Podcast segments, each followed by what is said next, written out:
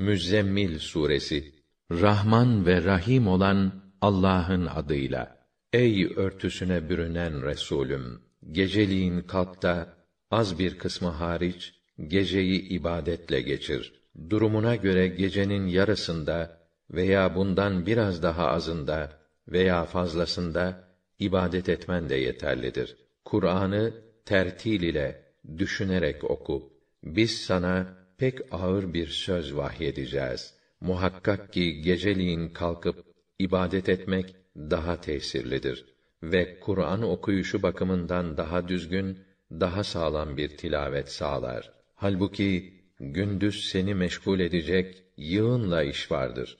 Rabbinin yüce adını zikret. Fanilere bel bağlamaktan kurtul ve bütün gönlünle yalnız ona yönel. O doğunun da batının da Rabbidir. Ondan başka ilah yoktur. O halde sen de yalnız onun himayesine sığın, yalnız ona güven.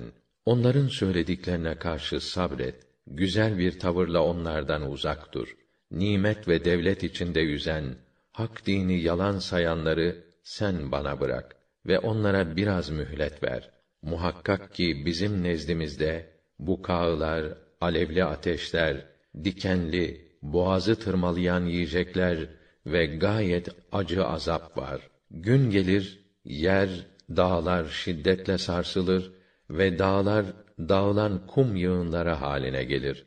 Bakın ey Mekkeliler, ey bütün insanlar, biz vaktiyle Firavun'a bir elçi gönderdiğimiz gibi size de hakkınızda şahitlik edecek bir elçi gönderdik.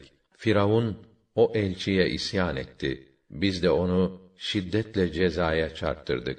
Kâfirliğinizde devam ederseniz dehşetinden çocukları birden ak saçlı ihtiyarlara çevirecek o günden kendinizi nasıl koruyabilirsiniz? O günün dehşetinden gök bile çatlar. Allah'ın vaadi mutlaka gerçekleşir. Bu bir öğüt ve uyarıdır. Artık isteyen Rabbine varan yolu tutar. Senin Rabbin gecenin bazen üçte ikisine yakın bir kısmını, bazen yarısını, bazen üçte birini ibadetle geçirdiğini, senin yanında yer alan müminlerden bir cemaatin de böyle yaptığını elbette biliyor.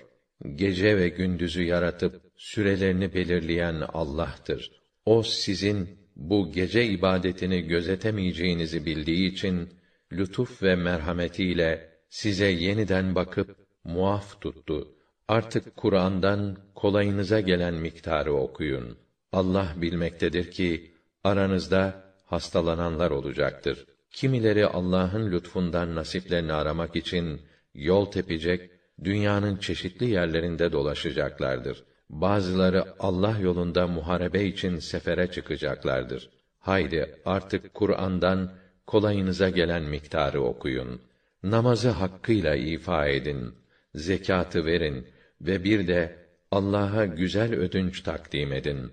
Unutmayın ki kendi iyiliğiniz için ahirete hazırlık olarak her ne gönderirseniz mutlaka onu Allah'ın nezdinde bulursunuz. Hem daha üstün ve daha hayırlı mükafatı kat kat artmış olarak Allah'tan af dileyin.